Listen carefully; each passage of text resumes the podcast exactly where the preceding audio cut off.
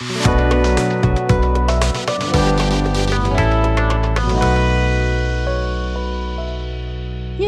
Girdis'ten merhaba. Kıkır kıkır bir bölüme daha. Merhaba. Hoş geldiniz. Bugün e, startupları konuşmaya devam edeceğiz Elif'le. Biliyorsunuz her girişim unicorn olmak zorunda mı diye sormuştuk. Şimdi bunu biraz tamamlamak istiyoruz. Bu bölümde startupların geleceğini konuşacağız. Ve bunu böyle bir üçlü seri değil mi Elif? Bu ünlü yönetmenlerin şeyleri gibi. Üçlemeleri gibi. Kırmızı, beyaz, mavi.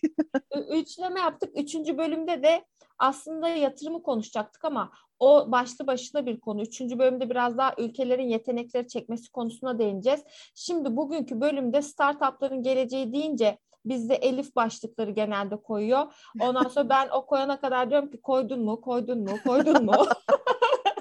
Şimdi bana dedi ki bu bölümün başlığını koydum nedir dedim. E, startuplar için ya sonra ben de başladım hemen ne yaparım senden sonra şarkısını söyleme. Baktık beraber şarkı söylüyoruz. Sonra dedik Elif yani bizi kimse dinlemez bırakalım duralım burada. Aynen öyle. bu, bu podcast burada biter. Asla yüzde onu geçmeyen bir podcast olarak tarihe yazılır. Aa. Onun için ciddiyetimizi takınalım ve startuplarımızı konuşalım. Elif startupların geleceği nasıl olacak sence? Ne düşünüyorsun? Bu bölümde onu tartışacağız. Yani bir gelecekleri olduğu kesin de acaba Tabii. nasıl olacak? Tabii. Şimdi startupların bir kere e, çok parlak bir geleceği olduğu konusunda anlaşalım. Çünkü artık bu bir iş yapma biçimi olarak literatüre geçti. Herkes tarafından kabul edildi. Çok büyük uluslararası holdingler tarafından bile taklit edilmeye çalışılan yol haritaları çıktı. Yani hepimiz duyuyoruz işte L'Oreal bilmem ne bölümü açmış, orayı startup gibi yönetecekmiş falan gibi böyle bir sürü örnek var. Çünkü işte bir startup olmanın e, tek bir sonuca odaklılık, daha lean and clean yapılar olması falan gibi faydaları var hayatta. O yüzden de e, startuplar hayatımızda kalmaya devam edecekler ve ekonomimizin önemli bir parçası olmaya devam edecekler. Çünkü hala iş yapma biçimi elden geçirilmesi gereken, düzeltilmesi gereken ya da e, sorgulanması ve onlara karşı meydan okunması gereken, bak şimdi Türkçe konuşmaya çalıştığım için ne kadar saçma bir cümle oluyor, disrupt edilmemiş bir sürü sektör var hala. Bu sektörlere sıçradıkça bu yenilenme, bu inovasyon ve bu işleri farklı ve daha dijital yapma çabası startuplarda bence artarak ve büyüyerek hayatımızda önemli yerler almaya devam edecekler. Şimdi çok hızlı startup mekanizmasını kavrayan ve buradan çok fazla startup çıkaran bir sürü sektör var. Sen de biliyorsun işte zaten dijital hardware, software üretimi bunun en önemli göstergeli, en önemlilerinden biri. Yapay zeka ile ilgili her türlü sektör böyle. İşte finans sektörü mesela bunu çok hızlı adapte etmiş e, şeylerden biri. Ama daha pek çok sektör aslında disrupt edilmeyi bekliyor bu anlamda. Ve de artık ekonomik modeller de non-binary. Yani bir sıfır işte arz talep gibi ikilemelerin önemi giderek ekonomik hayatımızda azalıyor. Ekonomik hayatımızda azalması aslında şu demek, kuantum ekonomik konuşulmaya başlanıyor. Hani makro, mikro falan gibi daha düzlemsel, daha iki boyutlu ya bir dakika, açıklamalar dur, yerine... Makro, mikro dur dur, burayı, burayı... Kuantum ekonomi ne? Yani şu anda gerçekten error vermiş durumdayım. Buraya çok girmeyeceğim çünkü gerçekten benim uzmanlık alanım değil. Kuantum ekonomiyi öğrenmek, anlamak isteyen... E... Neyse bir bölüm yapar öğreniriz. Hiç Aynen öyle. Belki yaparız. Quantum Everything diye bir bölüm yapalım bence. Çünkü her şeyin kuantumu var artık. Kesinlikle. Burada bak bölümün adı da çıktı kendiliğinden. Burada söylemek istediğim şey şu, dediğim gibi ekonomi artık non-binary, dolayısıyla ikililer arasında sıfırlarla bir birlerle ifade edilemeyecek kadar kapsamlı yapılar var. Ve quantum economics çok basit olarak şöyle diyor, aslında sosyal sahiplik ve yapay zekanın kontrolünde olan ekonomik yapılar önümüzdeki dönemde hayatımızda önemli bir yer kazanacak. Yani ekonomik ilişkilerimiz bundan sonra bu şekilde açıklanabilecek. O yüzden ekonomiyle ilgili bildiğimiz bütün terimleri de gözden geçiriyor olmamız gerekecek. Şimdi ekonomik hayatın en önemli faktörlerinden biri olan gelir ve gideri yaratan, parayı ve arzı talebi yaratan da şirketler olduğu için mevcut yapıdaki şirketlerdense daha startup yapısındaki şirketlere doğru her şeyin evrileceğini zaman içinde bence söyleyebiliriz. Her şeyin startup'ı olacak ama startup, startup Almanca'ya kaydı dilim. Çok iyi konuşurum. Ya. Startupların geleceği ne olacak dersen şu anda yaşadığımız dünyada işte unicornlar, hektakornlar falan gibi geçen hafta konuştuğumuz, geçenlerde konuştuğumuz şeylere girdiğimizde hep böyle bir büyüklükten, hep böyle bir fiyatlamadan, fonlamadan bahsediyoruz ama karlılıktan çok bahsetmiyoruz. Bu startup ekonomisinin en önemli özelliklerinden biri bu biliyorsun. İnsanlar aslında potansiyeli ve daha önce de konuştuk, büyümeyi fonluyor. Karlılığı kimse forlamıyor. Bunun çok da uzun süre sürdürülebilir olmayacağını düşünenler de var. Onlar da şöyle diyorlar. Unicornları unutun. Artık hani bu işin böyle cafcafasına, safsafasına bir şeye şey kalmadı, gerek kalmadı. Artık şeylerden bahsedelim. Hamam böceği startuplardan bahsedelim. Nükleer savaştan bile sağ çıkacak kadar kuvvetli startuplara bakalım. Ve bu tür startupları aramak ve bulmaya çalışmak aslında belki de startup ekonomisinin önümüzdeki dönemdeki en önemli gündem maddelerinden biri olacak. Çünkü startup ekonomisinde her şey dediğim gibi büyümeye ve potansiyele fonlandığı için, bunları fonladığımız için işte mesela minimum viable product diye bir kavram var.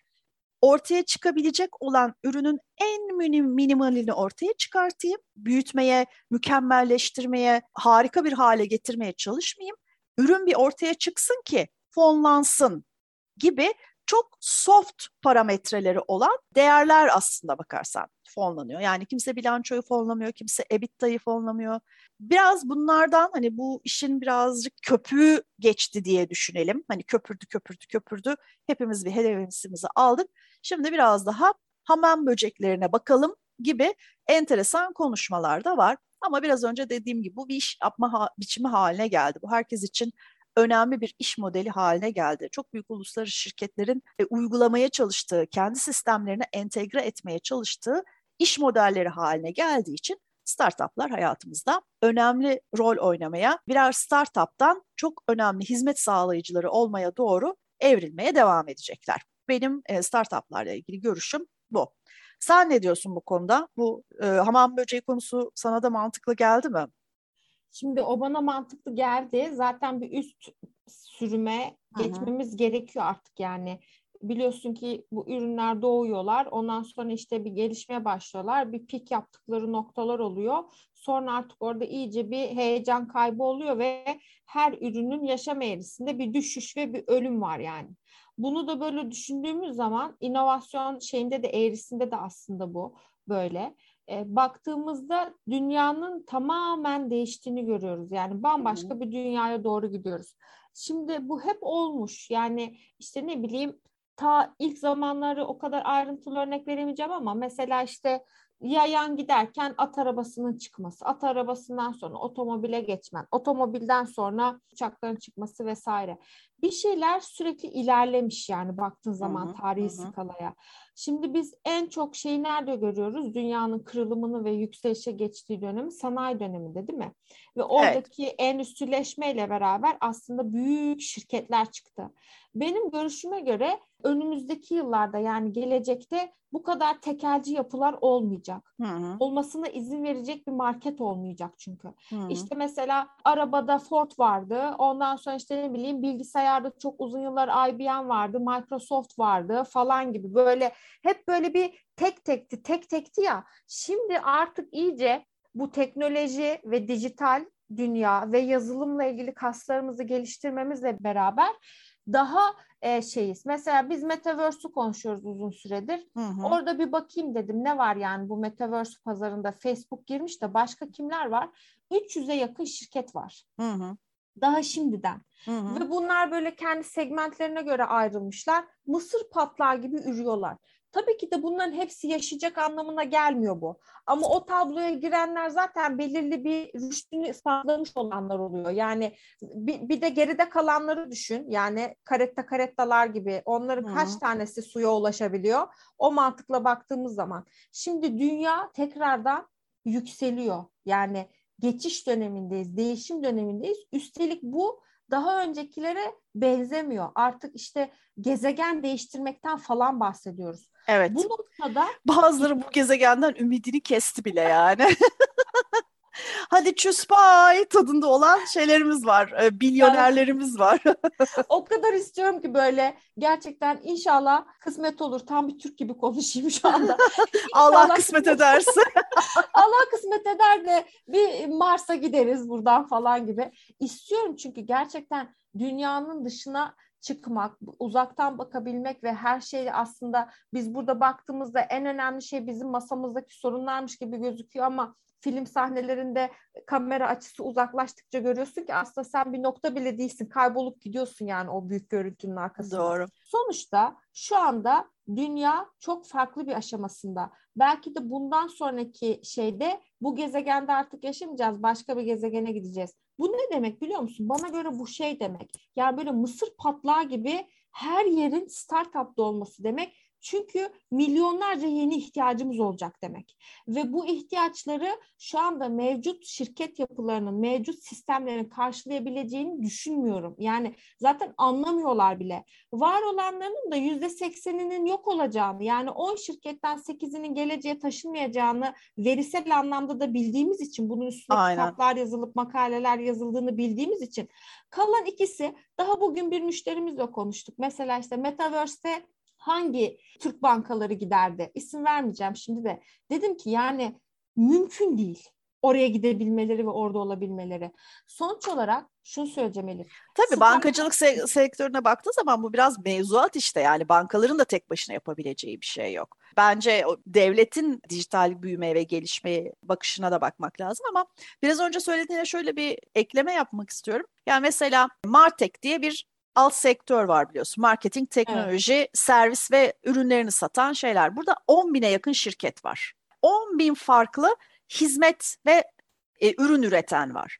Aynı şey fintech'e baktığın zaman burada on binlerce var. Çünkü e, çok büyük bir pazardan bahsediyorsun ve bir startup'ın kâra geçebilir ya da belli bir büyümeye gelebilmesi için aslında çok da büyük bir şeye de gerek yok. Yani startup'ın en güzel tarafı bu. Yani kendine bir niş ve o nişi ihtiyaç duyan bir topluluk bulduğun anda o fikri hayata geçirebiliyorsun. Kesinlikle. Yani senin tutup da bir e, Bank of bilmem ne işte Swiss Bank falan olmana gerek yok. Yani BNP Paribas olmana gerek yok. Çok daha küçük bir şeyle iyi bir servis üretici olabiliyorsun finans sektöründe. Ama biraz önce söyledim yani disrupt edilmemiş sektörler var. Mesela sağlık bence yeterince disrupt edilmemiş. Neden robotlar e, diagnostik? Evet. Ve neden robotlar yapmıyor diagnostik ya da yargı? Neden Hı-hı. robotlar basit davaları çözümleyemesin? Yani böyle çoğaltarak bir ucundan başladı ama hala yapay zekanın bile değil aslında bakarsan. Hani bir sıfır basit computer e, science'ın kullanılmadığı pek çok sektörümüz var disrupt edilmeyi bekleyen. Şimdi bunlar büyümeyecekler mi? Yani uzaya gitmeden önce daha hala bu dünya üzerinde yapacağımız ya da gıda teknolojileri ya tabii ki de onlar da büyüyecekler. Uzaya gitmeden önce önce tabii ki de buraya bakalım. Ama ben şunu demek istiyorum bunu söyleyerek. Artık bir çağın sonuna gelmek gibi değil bu yaşadığımız şey. İşte bilmem ne devrimini bitirdik de şimdi bilmem ne devrimi kadar kolay bir geçiş değil. Diyorum ki buradan sonra artık multiplanetary de, deniyor buna. Çoklu gezegenli Hı-hı. yaşama uyum sağlamak. Şimdi bence bana kalırsa o sektörleri de disrupt edelim ama her ne kadar edersek edelim sonuçta artık o ihtiyaçlar atıl olacaklar. Günün sonunda dünyevi ihtiyaçlar olarak kalacaklar tamam mı? Bütün formatımızın, yapımızın değişeceğini düşündüğün zaman insan formunun da artık gelecekte böyle kalmayacağını düşündüğümüz zaman asıl kavramları disrupt etmemiz gerekiyor. Sektörlerin hmm. kendisini değil. Ya yani benim buradaki şeyim bu, argümanım bu. E, Metaverse fikrini kafasında oturtamayan varsa eğer bizi dinleyenler Hı. arasında ki eminim vardır çünkü yeni bir e, fikir bu da aslında. E, Ready Player One diye bir kitap ve bir film var. Evet. Onu mesela okumalarını ya da izlemelerini hangisini tercih ederlerse Kesin tavsiye edebiliriz. ben söyleyeyim. Gayet güzel bir film ve Metaverse'le yani bu bizim dijital benliğimizle fiziksel benliğimizin arasındaki geçişleri konusunda iyi bir hayal dünyası yaratmış. Gerçekçi görünen bir hayal dünyası yaratmış. Bazen de e, hayat sanatı taklit eder biliyorsun. Her zaman e, sanat hayatı taklit etmez. Onun için bence bir bakılabilir. Ya startup bana göre ne demek biliyor musun Elif? Yeni oluşan ihtiyaçlara çözüm üreten demek. Yani bir şeyin mutlaka içerisinde yenilik olmasını bekliyorum ben startup dediğim zaman. Çünkü mesela bunu girişimcilik bölümünde de çok konuştuk. Hmm. Neden girişimle startup aynı şey değildir?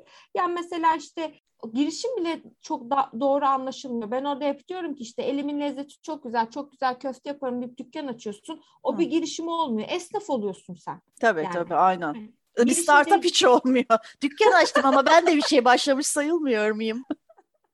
Ya önce bu temel ayrımları yapmamız lazım. Bence yavaş yavaş bunları öğreniyoruz. Çünkü Türkiye Startup Ekosistemi raporuna baktım. Startup Watch var galiba. Türkiye'de bir tek o topluyor bu dataları. Hı hı. Neler oluyor diye. Mesela işte biz unicorn çıkartma hızını 23 aya indirmişiz. Hı hı. 21 ayda ortalama exit yapılıyormuş. Bir tane dekakornumuz çıkmış. 4 tane unicornumuz çıkmış. Bir tane IPO çıkmış. Yani Amerika'da hisselerin şeye açılması gibi bir şey bu. Hı hı. 127 tane oyun startup'ımız varmış. İşte VC'lerden bahsediyor. Ondan sonra ekosistemden bahsediyor. Aslında ekosistemin ne kadar geliştiğini şey yapıyor. Sonuçta lafı nereye getireceğim? Yani startupların var olabilmesi ve gelişebilmesi için aslında buna uygun bir ekosistem de olması lazım. Hı. Yani mesela ben şimdi 7 megabaytlık dosyayı yollamak için 15 dakika bekliyorsam ya sen benden bu ülkede bir yenilik yapmamı beklememelisin. Anlatabildim mi? Doğru doğru. Doğru yani aynen öyle. belirli altyapıları hazırlamamız lazım. Şimdi ben çıkıyorum her gün Metaverse anlatıyorum. Program başladı. Orada böyle gelecekçi, inovatif şeyleri anlatıyorum. Bunları yapabilecek altyapı şu anda Hı-hı. bizde yok. Yani bu sadece bunun çözümü 5G de değil bu arada. Yani hadi biz 5'i geçtik 6'yı aldık çok itibardan tasarruf olmaz dedik ama onunla da çözülecek bir mesele değil bu. Sonuçta bu komplike bir dünya yapısı. Bizim zaten bu bölümleri seninle birlikte böyle parça parça ele almamızın altında bu komplike konuları sadeleştirip anlatma içgüdüsü yatıyor. Mesela bir bölüm yapmıştık hatırlıyor musun? Neden dünya markası çıkartamıyoruz diye. Evet. Orada dedik ki yani sen dünyanın en iyi pazarlamasını yap, en yetenekli çalışanlara sahip ol, çok doğru bir iş modeline sahip ol eğer ülke stratejilerin senin varlığını desteklemiyorsa bir dünya markası olmayı beklemeyeceksin. O zaman işte hoca durmuş durur mu? Yapıştırmış cevabı. Nusret nasıl oldu o zaman falan gibi. Sonra bir de bunları açıklamamız gerekiyor. Orada topu sana atıyorum. Peki Nusret nasıl oldu? Hmm, biraz önce bahsettiğin gibi elimin lezzeti tatlı diye e, köfteci açınca girişimci olmadığın gibi dünya üzerinde 10 tane dükkan açınca da dünya markası olmuyorsun diye kısaca özetleyebilirim bence. Ama mesela şu Salt B konusunun bir marka olduğunu düşünmüyor musun? Salt B konusunun tabii ki bir marka olduğunu düşünüyorum. Ee, sonuç itibariyle o Nusret'le başarılı bir e, PR kampanyasıyla özdeşleştirilmiş. E, bu bir konu bu konuda çaba ve para harcanmış bir hareket. Ama dediğim gibi Nusret markasının bir dünya markası olması için bence daha gidecek yolu var. Evet bir marka yüzü var. Sevimli bulun ya da bulmayın. Ben bulmuyorum ama öyle. Bir marka bilinirliği var. Bir e, imaj dünyası var ama evet. bunların hepsini bir ortaya koyunca hani ne diyor duruyorsun helva yapsana. Ben daha helva yaptıklarını düşünmüyorum. Ay bu ne kadar Anadolu esintili bir program oldu. Niye böyle oldu? Gerçekten hiçbir fikrim yok. Yani buram buram Anadolu yani. Nasipse bir Mars'a gidip gelsekler. Ondan sonra işte falan bu şarkılar. Hoca da durur mu yapıştırır cevap? şey programın adını mı değiştirsek acaba? Elif ve Elif'le Anadolu. Buram Buram Anadolu. Elif Elif Anadolu. Bak. Elif Elif Elif Anadolu'ya varım. Bir de, Gerçekten. bir de şöyle halay çeker gibi bir simge bulduk mu kendimize? Bence dünya markası oluruz. İnanılmaz. gerçekten. Şimdi bak konumuza dönmek zor olacak ama böyle Evet gerçekten. Olursak, Biz neredeyiz? Nereye nasıl nasıl, nasıl geldik buraya? olursak şimdi ya. önümüzdeki dönemde burada bir artış göreceğiz. Şirket sayılarında artış göreceğiz. Hiç tahmin etmediğimiz, düşünmediğimiz alanlarda yeni girişimler Kesinlikle karşımıza öyle. çıkacak. Bazı insanlar gerçekten işte bu çılgın gözüyle baktığımız ya da işte sen hani normal değilsin dediğimiz insanlar bazı şeyleri hayal ediyorlar ve sonra işte onlar gerçeğe dönmeye başlıyor. İşte yıllar önce o insanın o kitabı yazması gibi. Minority Report filmini biliyorsun Azınlık Raporu Tom Cruise'un meşhur filmi. Mesela Hı-hı. o film e, hani 90'lı yıllarda çekilmişti yanlış hatırlamıyorsam ama e, kitap uyarlaması bu. Philip Dick 70'li yılların başında yazmış bu kitabı. Evet, Ve 2002 yılının film filmiymiş. 2002 90'ların sonundaki işte hı hı. erken 2000'ler. Mesela orada ne vardı? Ayşe Birsel'di yine yanlış hatırlamıyorsam ismi bir Türk tasarımcı. Amerika'ya gitmiş ve geleceğin ofislerini tasarlıyormuş. Mesela kendi kendine yaptığı bir proje bu. Hmm. Sonra bir gün bir tesadüf olmuş ve demiş biz böyle bir film çekeceğiz. Bize geleceğin ofisleri nasıl olacak anlatır mısın demiş. Kadın da çizimlerini vesairelerini göstermiş. İşte ekrana bakıyorlar cam evet. ekran kullanılacak. Tabii tabii. Aynen ofisler şöyle bu böyle hareketler işte bilgisayarlar gesture'ları, el hareketlerini Aynen. tanıyacak falan böyle bizde aa o Şimdi bunlar ne kadar önceden olmuş. Burada ne demek istiyorum? Şimdi bu bir yerde var olan kesin bir bilgi değil. Birisi çıkıyor ve hayal ediyor. Diyor ki ekranları böyle böyle değiştireceksin diyor mesela. Sonra bu uygulanmaya başlıyor. Şimdi işte önümüzdeki dönemde yaratıcı ekonomi. Nasıl startup ekonomisini konuşuyoruz? Bence bir bölümde de yaratıcı ekonomiyi konuşuruz. Özellikle bu metaverse'lerin devreye girmesiyle beraber. Yani ne demek bu? İkinci bir evren gibi düşün. Fiziki halin dünyada, dijital hı hı. versiyonunda o evrende. Konsere evet. gidebilir, toplantıya katılabilir, bir sanat sergisi gezebilir, alışveriş yapabilir, aşık olabilir. Yani e, umarım bu dünyanın sorunlarını oraya da taşımayız. Sevgilim beni terk etti ne yapmalıyım? hem buradaki sevgilim terk etti hem oradaki sevgilim terk etti. İki dünyada da terk edildim. İki dünyada da elim yakanda böyle bir şey mi acaba? ya galiba galiba böyle bir şey. Şimdi evet. İçindeki doğru... arabeski durduramıyorum bugün gördüğün gibi. Yani arabesk ve Anadolu tatlarıyla dolu bir bölüm oldu. Gerçekten startupların şanına yakışır. Aynen öyle. Aynen öyle valla.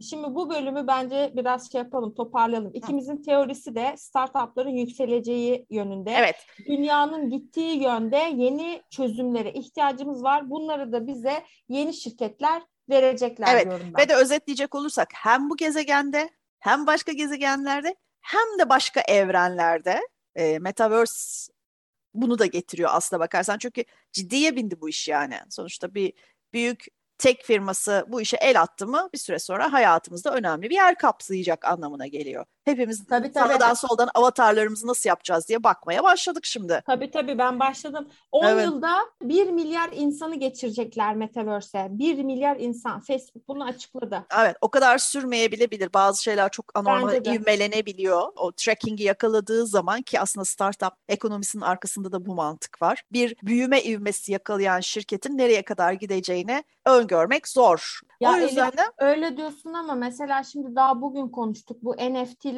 konusu. Yani mesela işte bir tane koleksiyon yapıyor.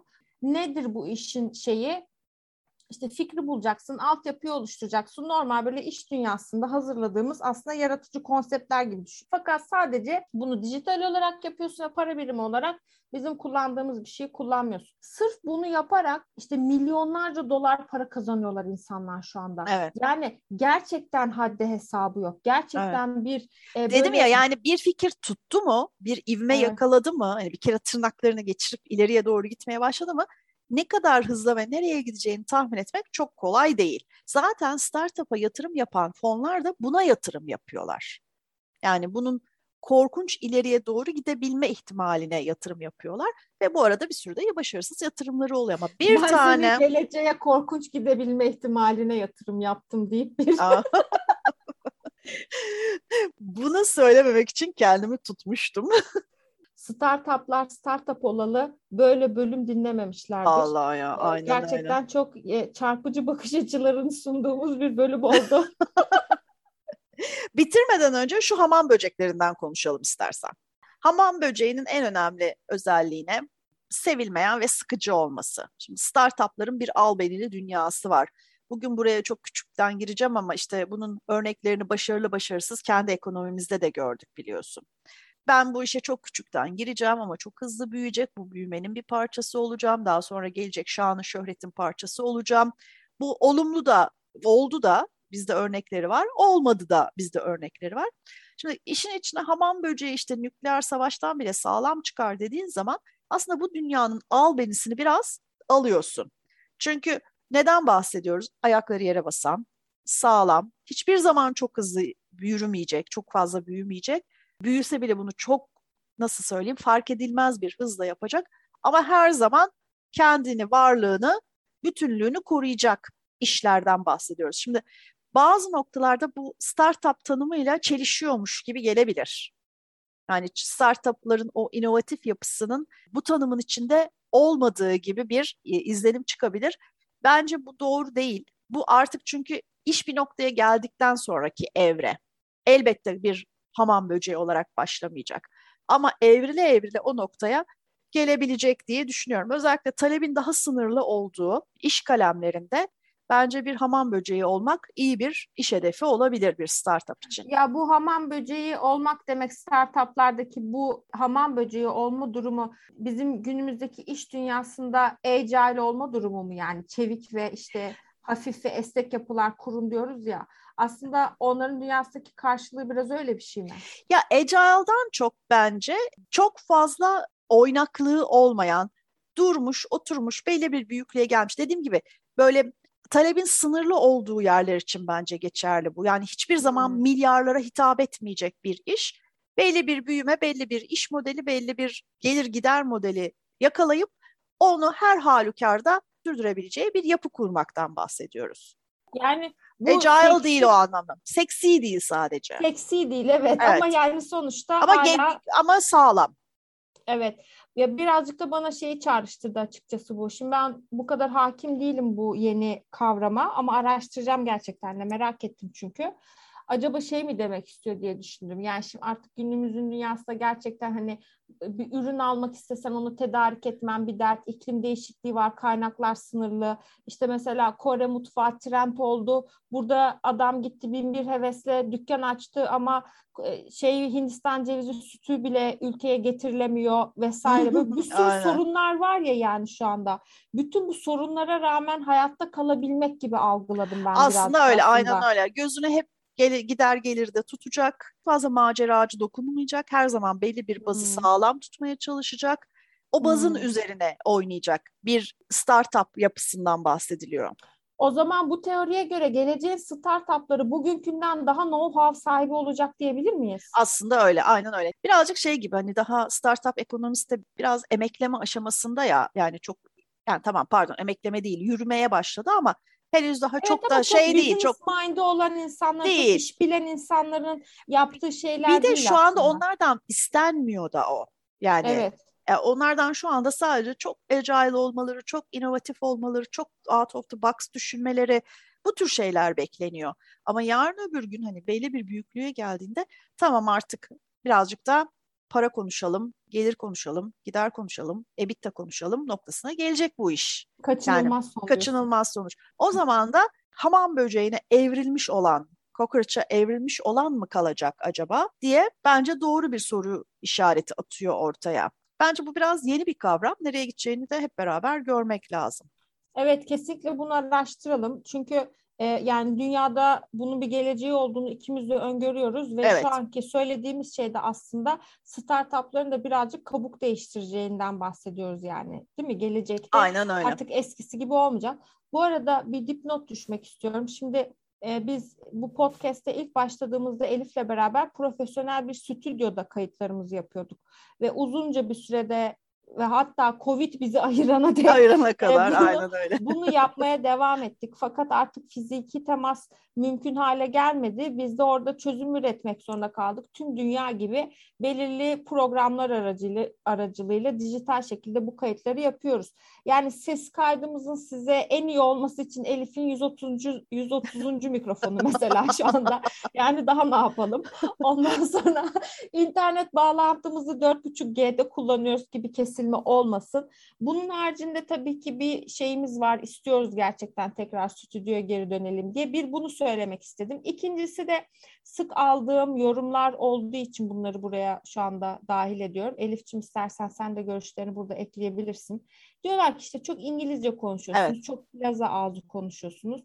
Ya biz bunları e, ilk bölümlerde öyle olabilir ama zamanla biz de podcaster olmanın şeyine alıştık yani değil mi? Seninle kendi sohbetlerimizi biraz daha sistematik bir şekilde yayınlara uygun hale getirmeye çalıştık ve o kelimeleri mümkün olduğunca eledik. Ama mesela startup'a startup dersin, disruption, disruption dersin. Mesela cockroach'a zorlamadık sizi. Yani evet, aynen öyle. Tamam, cockroach yani. demedik. Tamam, hamam böceği dedik ama şimdi ama...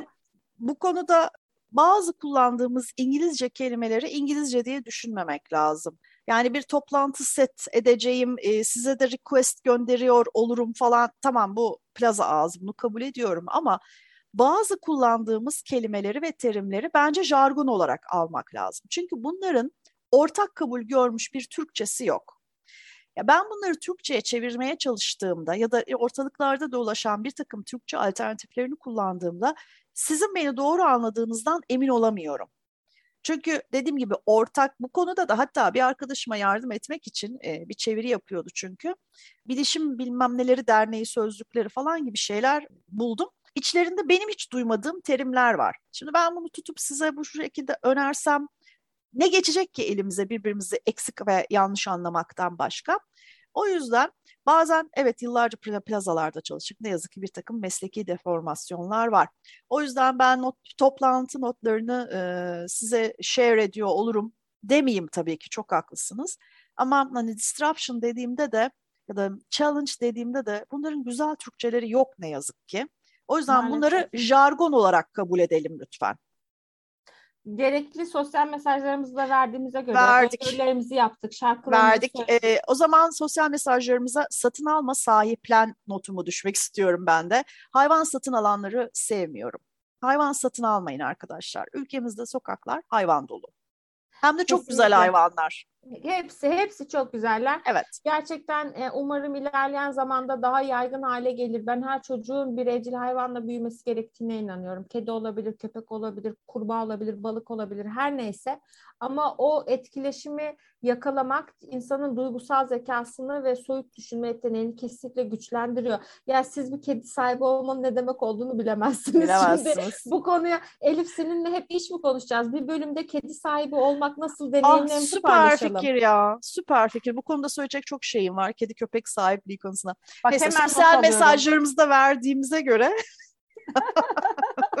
bu bu bölümün bu bölümün sonuna geldik. Ee, bir bir bildiri daha yapayım. Hadi şimdi hadi, yani hadi. hatırı kalmasın. Bazen bölümlerimizin arası açılabiliyor ama ikimiz de çok yoğun performanslarda çalışıyoruz. Yani mesela şu anda bu kaydı size akşam saat 9.30'da yapıyoruz. Ve bundan sonra bir kayıt daha yapacağız ve bu sabah bu kaçtan beri kadar... çalışıyoruz onu da söyleyelim. Ben sabah yani... 7'de bilgisayarımın başında oturuyordum. onu onu söylersen bizi artık iyice şey yapacaklar, üzülecekler. Ben zaten artık konuşmadan nasıl yaşanır onu bilmiyorum. Yani Gerçekten öyle ya. Öyle bir şeydeyim, moddayım. O yüzden bazen aralar açık olabiliyor. Orada e, şey sanmayın yani hani artık yeni bölüm gelmeyecek sanmayın. Biz üçüncü sezona bomba gibi girdik. Ciddi planlamalar da yaptık. Elimizden geldiğince de bunları size ulaştırmaya devam Aynen. Yoksa biz podcast yapmayı seviyoruz. Gerçekten vallahi. Evet severek yapıyoruz yani şikayet etmiyoruz.